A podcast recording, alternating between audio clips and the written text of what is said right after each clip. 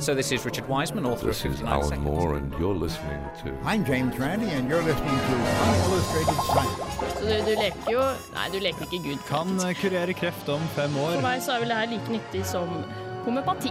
Dødsannonsen. Forskningsnytt. Altså, jeg kan ikke lage en hårete planet. Nei, nei. Uillustrert vitenskap.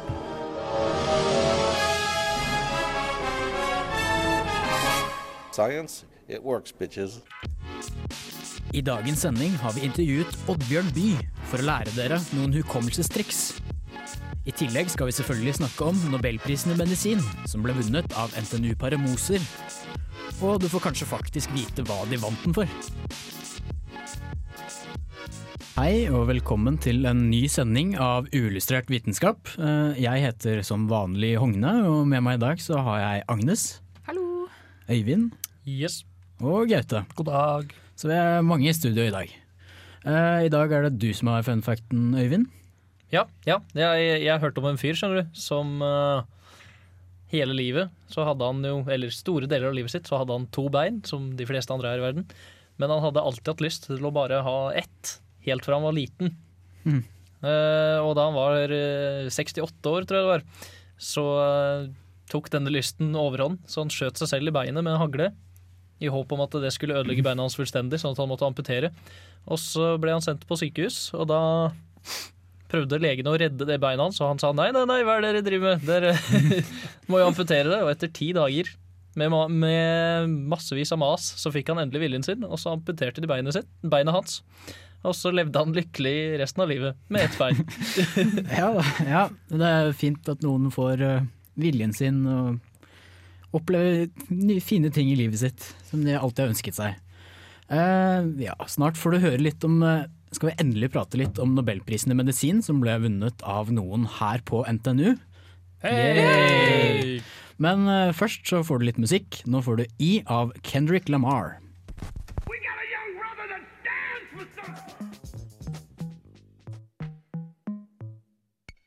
Har du noen gang vært i skogen og gått deg vill, eller kanskje en helt ny storby, men likevel klart å navigere deg hjem, selv uten verken kart eller kompass? På en måte så kan man si at du allerede hadde med deg ditt trofaste kart lagret i hjernen din, som årets nobelprisvinnere i medisin fant ut.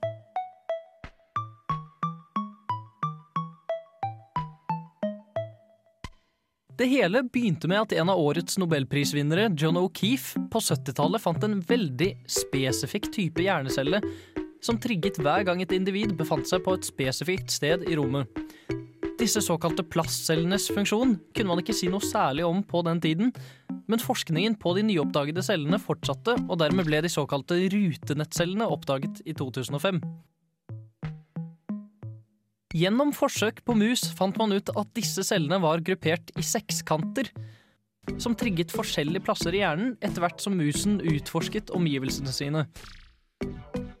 Slik så man dermed at hjernen laget seg et slags mentalt kart, delt inn i et sekskantet rutemønster, for lettere å orientere seg i rommet og gjenkjenne steder man hadde vært før. Likevel er disse forsøkene bare gjort i et todimensjonalt plan. Men om du derimot lurer på hvordan disse cellene oppfører seg i et tredimensjonalt rom, må du nok vente tålmodig noen år til, for de forsøkene har så vidt begynt. Ja, der fikk dere vite hva nobelprisen i medisin handlet om. Ja, jeg har vel også litt grann flere ting jeg vil eh, legge til. Mm. For eksempel så eh, de her Moser-paret, er det vel man kaller dem, de som var med å vinne den nobelprisen, de eh, har jo slengt, eh, slengt fram noen teorier om f.eks. hvordan eh, det her stedsansen henger sammen med Alzheimers, og hvordan det er det som gjerne forsvinner først når du får Alzheimers. At du glemmer hvor du er, eller ikke kan si hvor du befinner deg. Fordi det, man har funnet ut at et av de stedene som blir tatt først, eller hva jeg skal si, da, i, av Alzheimers, er det området hvor disse cellene befinner seg. Ah, Som virkelig tyder på at det har med stedsans å gjøre. Altså. Mm. Mm. Men eh, um, jeg nevnte for så vidt også at det var snakk om et sekskantet rutemønster. Ja, for det hva er så spesielt med sekskanter? Nei, Det er jo ganske stilig, da, fordi sekskanter er det som gir størst areal, med færrest noder, eller hva jeg skal si, altså færrest bruk av disse av sånne nerveceller. Hmm. Eh, så det er veldig kult å se hvordan evolusjonen faktisk har funnet det mest effektive mønsteret. Ja, for du finner jo det igjen ganske mange andre steder i naturen også. Ja, for eksempel i sånne her bikuber og sånt. Det lages jo Mm. honning der.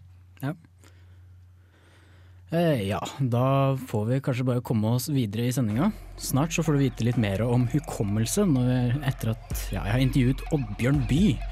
Men først får du Jumpani av Oral B. Jo, navnet mitt er Oddbjørn By, og jeg har skrevet memobøkene. Og jeg lever av å holde kurs for eh, studenter og folk som trenger å huske. Og så har jeg også konkurrert i hukommelse, i å huske kortstokker og siffer og den type ting. Oddbjørn By er tidligere verdensmester i memorering av flest siffer på ett minutt, og er fortsatt helt oppe i verdenstoppen innen hukommelse. Han kan annet memorere 72 siffer på ett minutt, og en helt kortstokk på 43 sekunder. For noen dager siden var han på Gløshaugen for å lære bort sin kunnskap til studenter. Så hvordan kan man egentlig huske så mye så fort? En, en teknikk jeg bruker, det er å plassere det jeg vil huske i kjente omgivelser. Eh, for når jeg skal huske masse teori og sånt, det, det, det er vanskelig for hjernen å, å håndtere.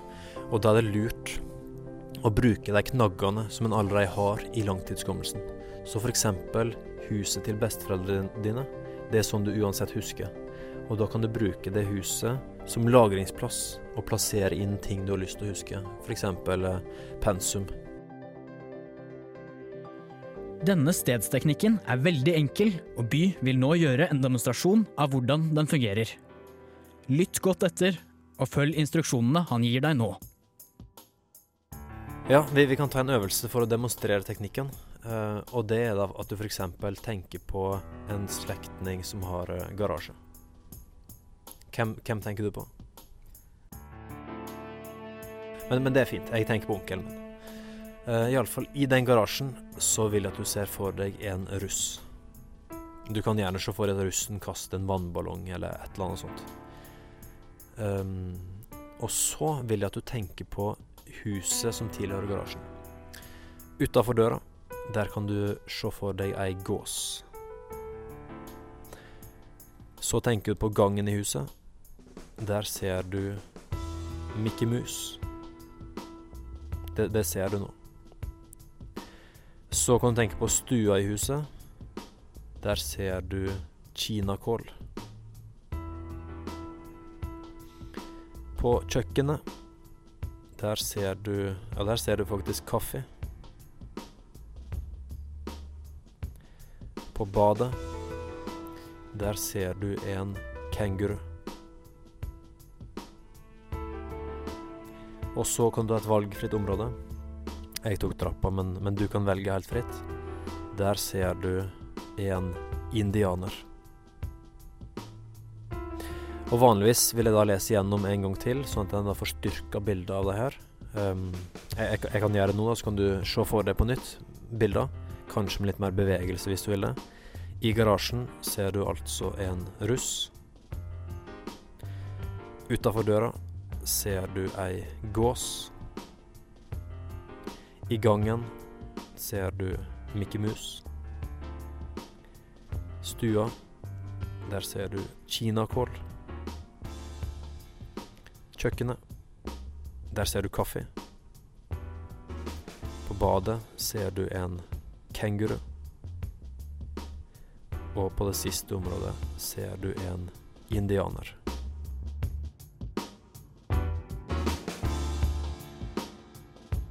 Mens vi spiller musikk, kan du teste deg selv og se om du greier å huske alle de syv figurene i riktig rekkefølge.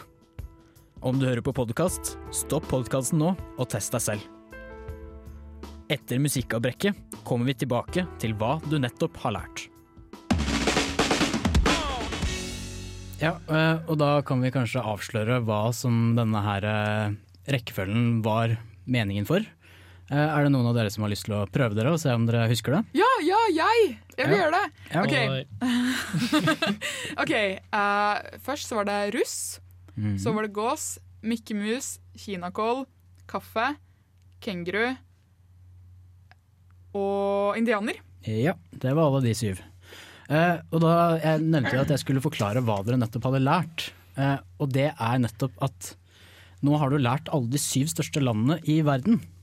Hvis du tenker litt om. Første elementet var russ, altså Russland. Andre var gås, den er litt vanskeligere, men hvis Kanada. du En Canada-gås. Ja. Ja. Så har du Mickey Mouse, det er jo da selvfølgelig USA. Så har du kinakål, det er Kina. Mhm. Og så har du kaffe, den er kanskje litt verre, men hvis du kjenner litt til Brasil og sånne ting, så er det der de produserer kaffe. Så det er Brasil. Så har du kenguru, det er Australia selvfølgelig. Eh, og indianer, da som er India. Wow. Og det er de syv største landene. Og nå kan du rekkefølgen på alle de syv største. Og du kunne også fortsatt, eh, hvis du hadde ønsket å lære flere, så kunne du gått enda lenger videre i huset ditt og møtt på Maradona f.eks. For, for det neste landet er Argentina. Og så kunne du gått enda videre og sett en kasse eller et eller annet rart, eh, for det neste landet er Kasakhstan. Eh, og det tiende største landet, det, da måtte du sette for deg en alge eller et eller annet rart, for det er Algerie. Eh, og på denne måten her så kan du lære deg slike rekkefølger som kan være nyttige å huske. Da. Huske de ti største landene i verden, eller syv største, eller noe sånt. Da. Og det er mye lettere å huske dette her enn å huske landene i riktig rekkefølge. Fordi denne her stedsteknikken er veldig god. Eh, ja, da tror jeg vi kan høre på resten av intervjuet med Oddbjørn Bye, hvor han forklarer litt mer om hvordan man skal studere bedre. En ting sikkert mange av oss har hatt problemer med, er når man er i et selskap av et eller annet slag og skal huske navn. Hva bør man gjøre for å huske navn? Ja, å huske navn, det, det er vanskelig. Og, og det, det syns vi hukommelsesmestrene òg. For at navn, det er liksom eh, det, det kan være så mange slags navn. Hvis vi skal huske siffer, så er det fra null til ni, på en måte. Men navn, det, det er så grenseløst, og det er så masse, og en skal både presentere seg sjøl og en helse på folk, og gi et godt førsteinntrykk. Men der kan en bruke navn, bruke teknikker. La oss si at jeg hilser på en, en ny spiller på volleyballaget. Eh, og så merker jeg Det første jeg gjør, er å prøve å legge merke til et særpreg med, med han. Men de fleste folk ser jo ikke noe sånn spesielle ut, men la oss si at han har litt utstikkende øre. da, Lite grann. Da legger jeg merke til det. Og han heter da f.eks. Eh, Nils. Da prøver jeg å lage en figur på det, f.eks. pils. Og så ser jeg for meg at han har pils i, i øret. Eh, så neste gang jeg ser han da, eller under trening, og jeg trenger å komme i kontakt med han, så husker jeg hva var spesielt med han. Jo, det var øra var stakk litt ut, og der så jeg da pils. Så det er en av teknikkene jeg bruker. Eh, den teknikken kan ikke en bruke hvis det er mange en skal huske. Eh, men det en har gjort da, det er at en har sørga for at en har fått med seg navnet. For det er ofte et problem at en ikke får med seg navnet i hele tatt. Og så har en da brukt et par sekunder på å gå ut av autopiloten og sett for seg en figur for å huske navnet. Det kan virke rart, men eh, det er ofte verdt innsatsen. For i forhold til det med å få- med seg navnet, ofte så får ikke en med seg navnet. Og som jeg fortalte om på kurset her på, eh, på Gløshaugen, eh, jeg har presentert meg sjøl som Klaus Knegg eller Ola Bukse, uten at folk har reagert på det. Så da har en iallfall fått med seg navnet, og en er sikker på at folk ikke har sagt Klaus Knegg, f.eks.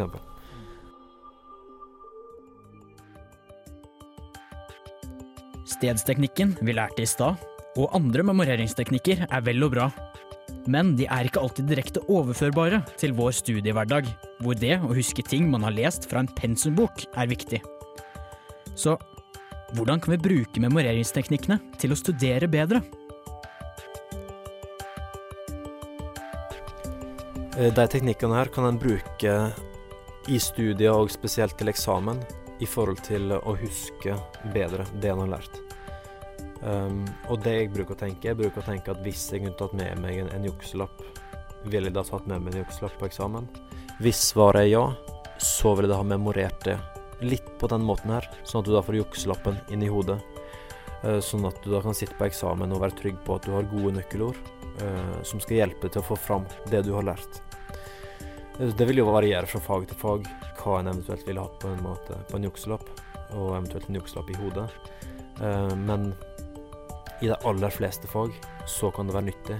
Og eh, sånn at en kan bruke mer tid på forståelsen i faget, eller mer tid til å gå inn i dybden. Sånn at en kan bruke mindre tid på å huske. Eh, en, en viktig ting, det er jo at f.eks. i hukommelseskonkurranser, der er det ingen som kan huske alt. Hvis det hadde fantes folk som kunne huske alt, da hadde det ikke vært vits i å ha VM i hukommelse. Så det er veldig viktig å tenke på når en er student, at sjøl ikke de beste i verden i hukommelse kan huske alt i pensum. At en da prøver å finne ut hva er det viktigste, og så fokusere på det. Og jeg vet at en del f.eks. medisinstudenter eller lignende eh, tenker at alt her i pensum er viktig, men da får en prøve å finne det viktigste av det viktige. For en er helt nødt til å være realistisk, eh, så en ikke ødelegger seg sjøl med å prøve å huske alt. Ja, der fikk du vite litt hvordan man burde huske navn, og litt om hvordan man burde studere. Eh, og eh, ja, hvis vi skal komme inn på dette her med å studere, da, så er det jo Det som er spesielt viktig, er jo på en måte at man kan jo ikke huske alt, på en måte. Man må lære seg noe. Det, det viktigste er jo på en måte å lære seg noe, og så deretter så kan man huske, prøve å huske det man har lært. da. Så man kan på en måte huske nøkkelordene, eh, eller det man ville skrevet på en jukselapp, da, eller et eller annet. Eh, men alt rundt kan ikke du huske.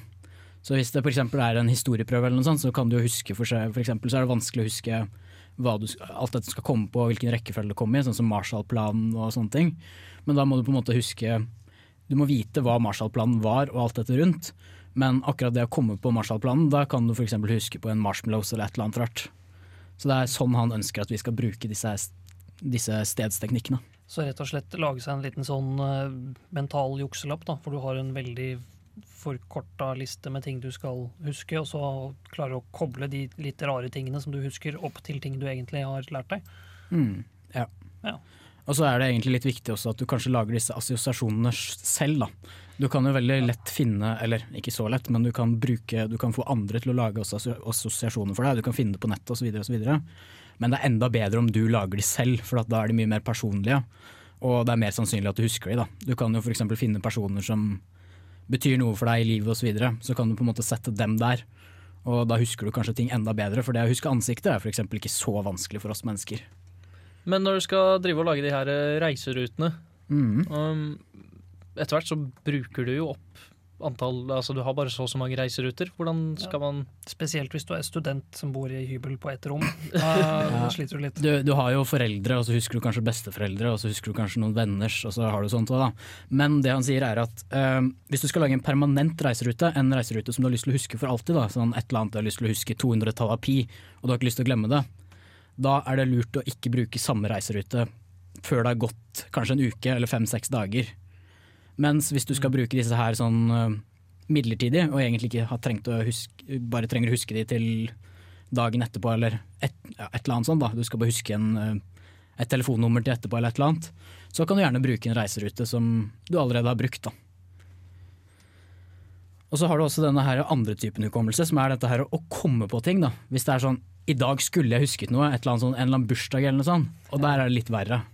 Fordi da går det ikke an å bruke disse husketeknikkene, for de er jo liksom nå skal du huske noe, nå sitter du på eksamen og skal huske noe. Men det er jo mer sånn at du bare må komme på. Eh, men da nevnte han at det å ja, Mobilen er kanskje din venn, da du kan jo sette på masse påminnelser der. Men hvis du skal huske på noe, så kan du f.eks. legge en mandarin i senga di eller et eller annet. Og eh, med en gang du ser at det ligger en mandarin i senga di, så ser du på en måte nå var det noe jeg skulle huske. Og da husker du også det hvorfor du la den der, da. Ja, et annet tips der er jo hvis du alltid går med klokka på én hånd, er å bare flytte klokka til feil hånd, for det føles veldig rart. Og da kommer du på at det er noe du skal huske. Men det må jeg advare mot at hvis du prøver å stole på den i lengden, sånn som jeg har gjort, så har jeg egentlig vent meg til å ha klokka på begge hender. Eh, og når jeg da plutselig ser at den er på den tonna som egentlig er feil, så er det sånn å ja, nå skal jeg huske noe, men jeg husker ikke hva jeg skal huske. Ja, Så hvis du blir veldig vant til å ha mandariner i senga, så funker ikke det heller. Hver dag, hver dag. Ja, du må bytte litt på frukt og litt sånne andre ting. Legge inn litt andre steder og sånne ting. Spesielt kanskje hvis det er noe du skal gjøre når du kommer hjem, så er det fint å legge den i senga. Men hvis det er noe du skal gjøre, eller huske akkurat i det du går inn på et annet rom, da, så burde jo det, det kanskje være et annet sted, da. videre. For det, det, er, det er sånn man husker ting best hvis man skal komme på ting. Mens hvis man skal huske rekker, så er det bedre å bruke denne stedsteknikken. Da.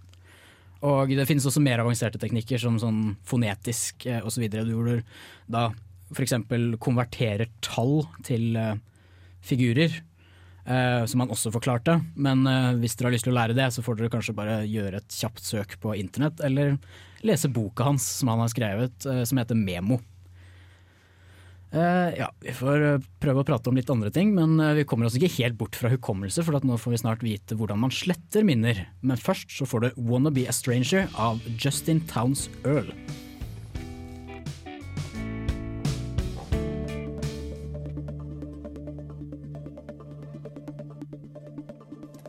Av og til, når man minst venter det, kan man plutselig få uventede påminnelser fra fortiden. Bygninger, steder og lukter kan assosieres med minner, og ikke alle disse minnene er ting vi ønsker å huske på. Hvordan hadde livet vært dersom det gikk an å slette disse minnene? 9. oktober ble resultatet fra et spesielt forsøk publisert i journalen kalt Neuron. Forsøket gikk ut på en av mange ting som vi betrakter som science fiction, nemlig å slette minner. Siden 1970-tallet har nevrologer ment at episodiske minner lagres og hentes i ulike deler av hjernen. Interaksjoner mellom hjernebarken og hippocampus må samspille for å bringe minnet ut av mental lagring, slik at de kan bli gjenopplevd av sinnet. Denne teorien har hittil vært vanskelig å bevise, før en veldig praktisk metode ble innført. Optogenetics er en metode for å manipulere og studere nerveceller ved å få dem til å lyse opp når de er aktive. Når nervecellene som bidrar til å huske ting er markerte, kan de spores og slås av. Forskerne fant ut at lyset fra en fiberoptisk kabel var i stand til å slå av spesifikke nerveceller i hippocampus. Dette gjorde at man mistet et spesielt minne. Så dersom du ønsker å glemme ekskjæresten, eller en eller annen gang du tabbet deg skikkelig ut, så får du kanskje muligheten til å slette disse minnene en gang i framtiden. Ja, da fikk du vite at uh, vi kanskje kan klare å slette minner i framtiden. Uh, men uh, hvordan gjorde de egentlig dette, dette her forsøket? Jeg regner ikke med de brukte mennesker. Nei, de brukte dessverre ikke mennesker, så det er kanskje litt skuffende å finne ut av det. Eh, Men det de har brukt, er eh, optogenetics, eller optogenetikk. Optigenetikk, jeg vet ikke helt. Eh, Og det er en metode som får celler til å fluorisere, slik at de lyser opp og blir synlige. Og så brukte de mus da, som de genmodifiserte, slik at når cellene som de er interessert i, de ble aktivert, så lyste de opp. Og da uttrykket de også samtidig et protein som gjorde slik at den cellen kunne bli deaktivert av lyset til en fiberkabel. Oh, det er litt kult. og det som er, er at eh, mus de er jo som regel veldig nysgjerrige og rastløse og bare flyr rundt omkring i buret. Eh, og det forskerne da gjorde, var at de ga musen støt i føttene på et spesielt sted i buret. Og det som da skjedde, var at musen husket at det er et eller annet sted i buret hvor jeg får vondt i foten. Og da bare sto de helt stille og beveget seg ikke. Men så tok forskerne ved hjelp av denne fiberkabelen og skrudde av, eller fjernet minnet, så de, de bare glemte at det fins et sted i buret hvor de kan få støt. Og da begynte de å fly rundt igjen. Så det er sånn de fant ut at eh, man kunne fjerne eh, minner, og da Jeg regner jo med at det er korttidsminner, da, siden dette her akkurat skjedde. Men vet de om de fjernet noe annet i samme slengen som kan ha vært viktig eller et eller annet? Det var nettopp det de fant ut at de ikke gjorde. det, Så det er derfor dette her er ganske revolusjonerende. Fordi hvis de hadde da fjerna liksom alt mulig av minner, så hadde jo ikke det her vært noe nyttig. Men siden det bare var den spesifikke tingen, da, så eh, er jo det mulig å fjerne spesifikke ting som man ikke har lyst til å huske på. Som Mm. eksempel ekskjæresten, eller en ting du har gjort feil, eller dumme ting som har skjedd i livet ditt. Mm. Men er det noen andre ting det kan brukes til? Um, så vidt jeg har skjønt, så er jo dette veldig langt inn i framtiden. da. Eh, og det er kanskje ikke så veldig sannsynlig at man får et sånt eternal sunshine of a spotless mind-scenario, hvor man bare kan slette alt man ikke har lyst til å huske på. Men det man i all hovedsak kanskje tenker at det kan brukes til, da, det er jo å hjelpe f.eks. krigsveteraner da, som sliter med posttraumatisk stress, f.eks. Mm. Du nevnte også eh, hippocampus eh, inni her. Er det, det er jo en del av hjernen. Hva, Ja. hva er det som er viktig med den? Den er viktig for hjernen, og også viktig for denne sendingen. Vi har også vært inne på den eh, før. Det er en liten struktur i hjernen som er veldig viktig når det kommer til hukommelse, og også orientering i rommet, som de Moser-folka fikk Nobelprisen for. Stemmer. Og eh, dersom denne delen av hjernen skades, eh, f.eks. hos folk som har Alzheimers, da, så mister man evnen til å huske nye episoder av livet. Men man kan fortsatt huske barndommen, men man husker ikke Man har ikke muligheten til å lære nye ting. Og hukommelsen for um, ting som ble sagt for fem sekunder siden, den svikter, da. Så Mm. den er veldig viktig for hukommelse. Ja, så den henger, det er den som svikter ved Alzheimers-pasienter, da? Ja. Hmm. Men så det er ikke sånn at de mister korttidshukommelsen fullstendig? Det er bare det siste lille minnet? Ja, som regel. Eller det er på en måte Det er ikke mulig for hippocampus å kommunisere med eh, hjernebarken, da. Eh, så derfor så Og det er jo hjernebarken sånn langtidsting huskes og hentes frem når de skal Når vi kommer på ting, da. Sånn når vi får assosiasjoner, så er det jo det samspillet mellom de to som gjør at vi plutselig kan komme på ting når som helst. Hmm. Ja, eh, vi får komme oss til eh, Eller snart så kommer synsespalten, men eh, først så får du Oh My Darling Don't Cry av Run The Jewels. Vitenskap. Radio Revolt. This is Charles L. Bennett from Johns Hopkins University. Science, it works, bitches. Ja, da har vi kommet til uh, synsespalten vår, og uh, ja, du Gaute har vel funnet noe å synse om? Ja, jeg har lytt, lyst til å synse litt. Uh, For det var Jeg fikk nemlig et, et veldig godt tips fra en, en medstudent som hadde sett på TV på Big Bang Theory og så på QI etterpå, og fant ut at det var en ting de tok opp der som bare blir tatt opp i de to programmene. Sånn rent populær eh, eh, mediegreier, populærkultur. Eh, og det er noe veldig kult nå, eh, som heter eh, Dolbears law. Eh, Som ikke høres så kult ut når du sier det sånn, men eh, det er en, eh, en formel som viser sammenhengen mellom temperaturen i lufta og frekvensen til sirisser. Altså hvor ofte sirisser lager lyd. Ja, for de henger direkte sammen? De henger direkte sammen. Det var det eh, han eh, Amos Dolbear eh, fant ut, eh, som han publiserte en artikkel på allerede i 1897. Eh, Oi. altså noen år siden. Ja. Um, Jeg regner med at dette har blitt brukt veldig mye siden. Eh, Jeg vet ikke hvor ofte det har blitt brukt. Eh, altså, han brukte jo da mest sannsynlig på en, en spesiell art som finnes i, i Nord-Amerika. Um, men visstnok så skal det funke sånn relativt greit på de fleste arter. Altså, det er jo en veldig stor artsdiversitet eh, av gresshopper og sirisser, og det er ikke helt uh, lett for en eh, vanlig dødelig å klare å si akkurat hva du har. Om du har en løvegresshoppe eller en markgresshoppe, eller om det er en eh, eh, torngresshoppe, eller eh, hva det er for noe. Ja, fordi at dere biologer mener at de lager forskjellig lyd? De lager forskjellig lyd, nemlig. Og ikke bare lager de forskjellig lyd, men de har forskjellige organer som lager lyd. Eh, Mm. For noen av de har sånne riller på vingene, sånn at de gnir vingene mot hverandre og lager lyd. Eh, Det er vel det som er tilfellet eh, for den arten han studerte. Og så er det noen som har riller på, fortsatt på vingene, men så har de også noe greier på beina som de bruker. Eh, og sånn så kan du få forskjellig lyd da, og forskjellig frekvens. Men for, for å si den formelen, da, eh, som du sikkert nå lurer på, den er en, nemlig en veldig forenklet eh, versjon som du kan bruke for å finne temperaturen i grader celsius. um, som nettopp bare er eh, tallet fem pluss antall lyder fra en siris i løpet av åtte sekunder. Og da har du Og da har du temperaturen i grader celsius. Sånn ganske nøyaktig, i hvert fall hvis temperaturen er innenfor 20 og 30 grader. Da. Ja. Og det er riktig art av siris eh, slash gresshoppe du da- hører på. Da må det jo være lineært mellom eh, antall lyder og temperaturen i celsius, da. Én grad celsius betyr én Eh, ekstra lyd. en- ja, det blir det vel faktisk, ja. Ok, ja, eller, eller ja, jo. Ja, ja du har jo, for du har jo antall, eh, antall lyder i løpet av åtte sekunder. Ja, I løpet av åtte sekunder, Ja, Mm. Så du, du, du får en liten uh, variabel inni der. Det er, det er litt mer klumsete hvis du skal ha originalformelen, som var i grader Fahrenheit, og da var 50 pluss en brøk, hvor du har antall lyder i løpet av 60 sekunder minus 40 over 4. Mm. Um, mm. som da er den spesifikke formelen. Men hva er grunnen til at de egentlig lager lyd? Hva er greia med det? Nei, det er jo paring eh, først og fremst, da. Eh, at det er eh, den mannlige gresshoppe-Siris-tingen som lager lyd for å tiltrekke seg damer. Og hvor mye han har lyst til det, kommer an på temperaturen? Eh,